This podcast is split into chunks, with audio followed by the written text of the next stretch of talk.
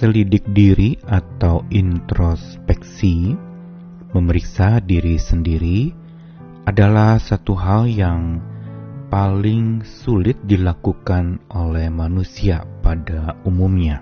Manusia memang sesungguhnya tidak mampu dan juga tidak mau untuk menyelidiki diri sendiri.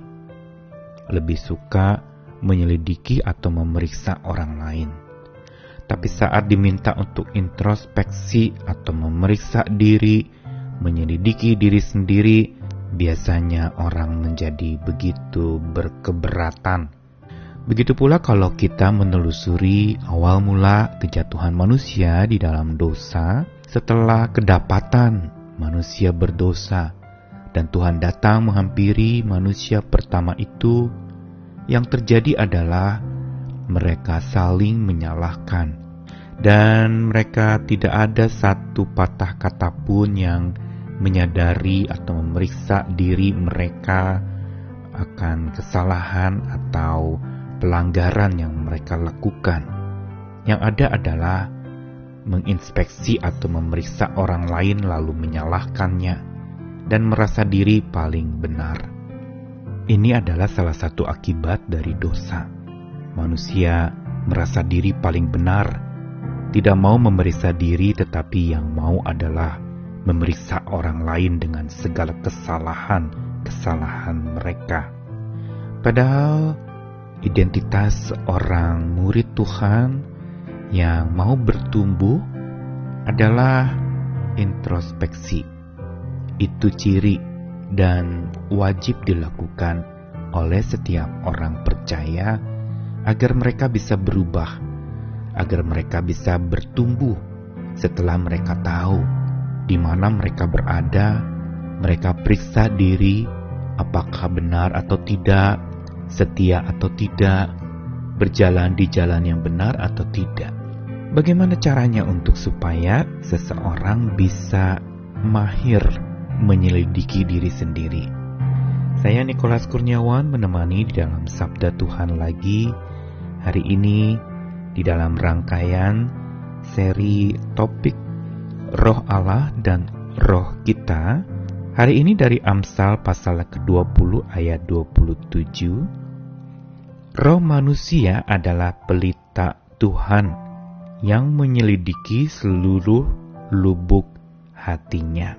Satu cuplikan ayat dari Amsal 20 ayat 27 ini mengandung sebuah kebenaran yang dalam dan hakiki tentang hidup manusia. Menarik sekali dikatakan roh manusia adalah pelita Tuhan.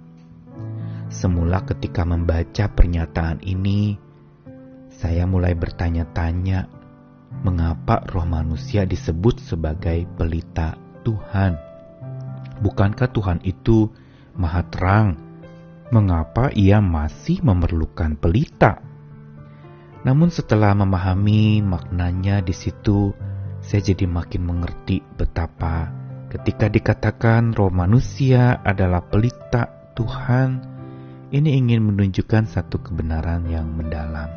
Kata roh yang disebutkan di situ sebagai roh manusia itu dari sebuah kata yang mengandung sebuah makna dalam bahasa Ibrani atau bahasa aslinya, yaitu nafas manusia yang terbatas nasyamah. Sebuah ungkapan kalau mau diterjemahkan itu menjadi seperti nafas yang tersengal-sengal atau nafas yang pendek, terengah-engah. Namun dikatakan di sini nafas manusia adalah pelita Tuhan. Maksudnya adalah bahwa sesungguhnya nafas manusia yang begitu terbatas itu itu adalah seperti pelita tidak dikatakan pelita yang menyala. Pelita Tuhan berarti itu milik Tuhan. Dan sama seperti sebuah pelita, pelita itu adalah semacam lampu yang digunakan. Lampu itu membutuhkan sumbu atau api di dalamnya untuk menyala. Tanpa api atau sumbu di dalamnya yang menyala itu, maka pelita itu hanya seperti bejana yang tidak berguna. Dan kalau dikatakan bahwa roh manusia adalah pelita Tuhan ingin menegaskan betapa kita sebagai pelita Tuhan itu tidak pernah bisa menyala kalau tidak roh Tuhan ada menyala-nyala di dalam hidup kita.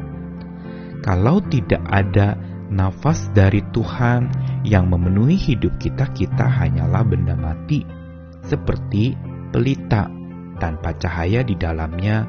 Dia hanya benda mati yang tidak berguna apa-apa.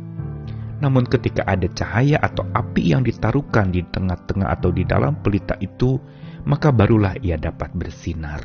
Ini mengandung sebuah kebenaran dan sesuai dengan kalimat berikutnya yang menyelidiki seluruh lubuk hatinya. Satu ayat ini ingin mengajarkan kepada kita bahwa tanpa roh Allah yang maha dan mahir menyelidiki hati manusia, hidup manusia, tanpa itu di dalam hidup kita, tanpa itu menyalakan pelita hati kita, maka manusia tidak mampu dan tidak mau untuk menyelidiki diri sendiri. Inilah penyebabnya kenapa manusia sulit tidak mau menyelidiki diri sendiri karena dengan kekuatan dagingnya dia tidak mau, dia tidak mampu menyelidiki diri sendiri. Dia butuh untuk dituntun oleh roh Allah yang maha tahu, yang maha menyelidiki, sekaligus mahir di dalam menyelidiki.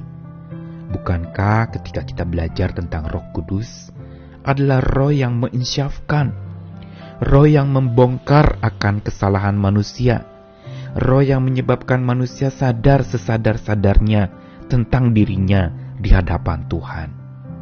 Inilah kekuatan utama dari seseorang agar ia bisa melakukan selidik diri atau introspeksi itu tanpa roh Allah yang menjadi nyala di dalam pelita nafas hidup kita yang terbatas itu, maka kita tidak mau dan tidak mampu untuk menyelidiki diri sendiri.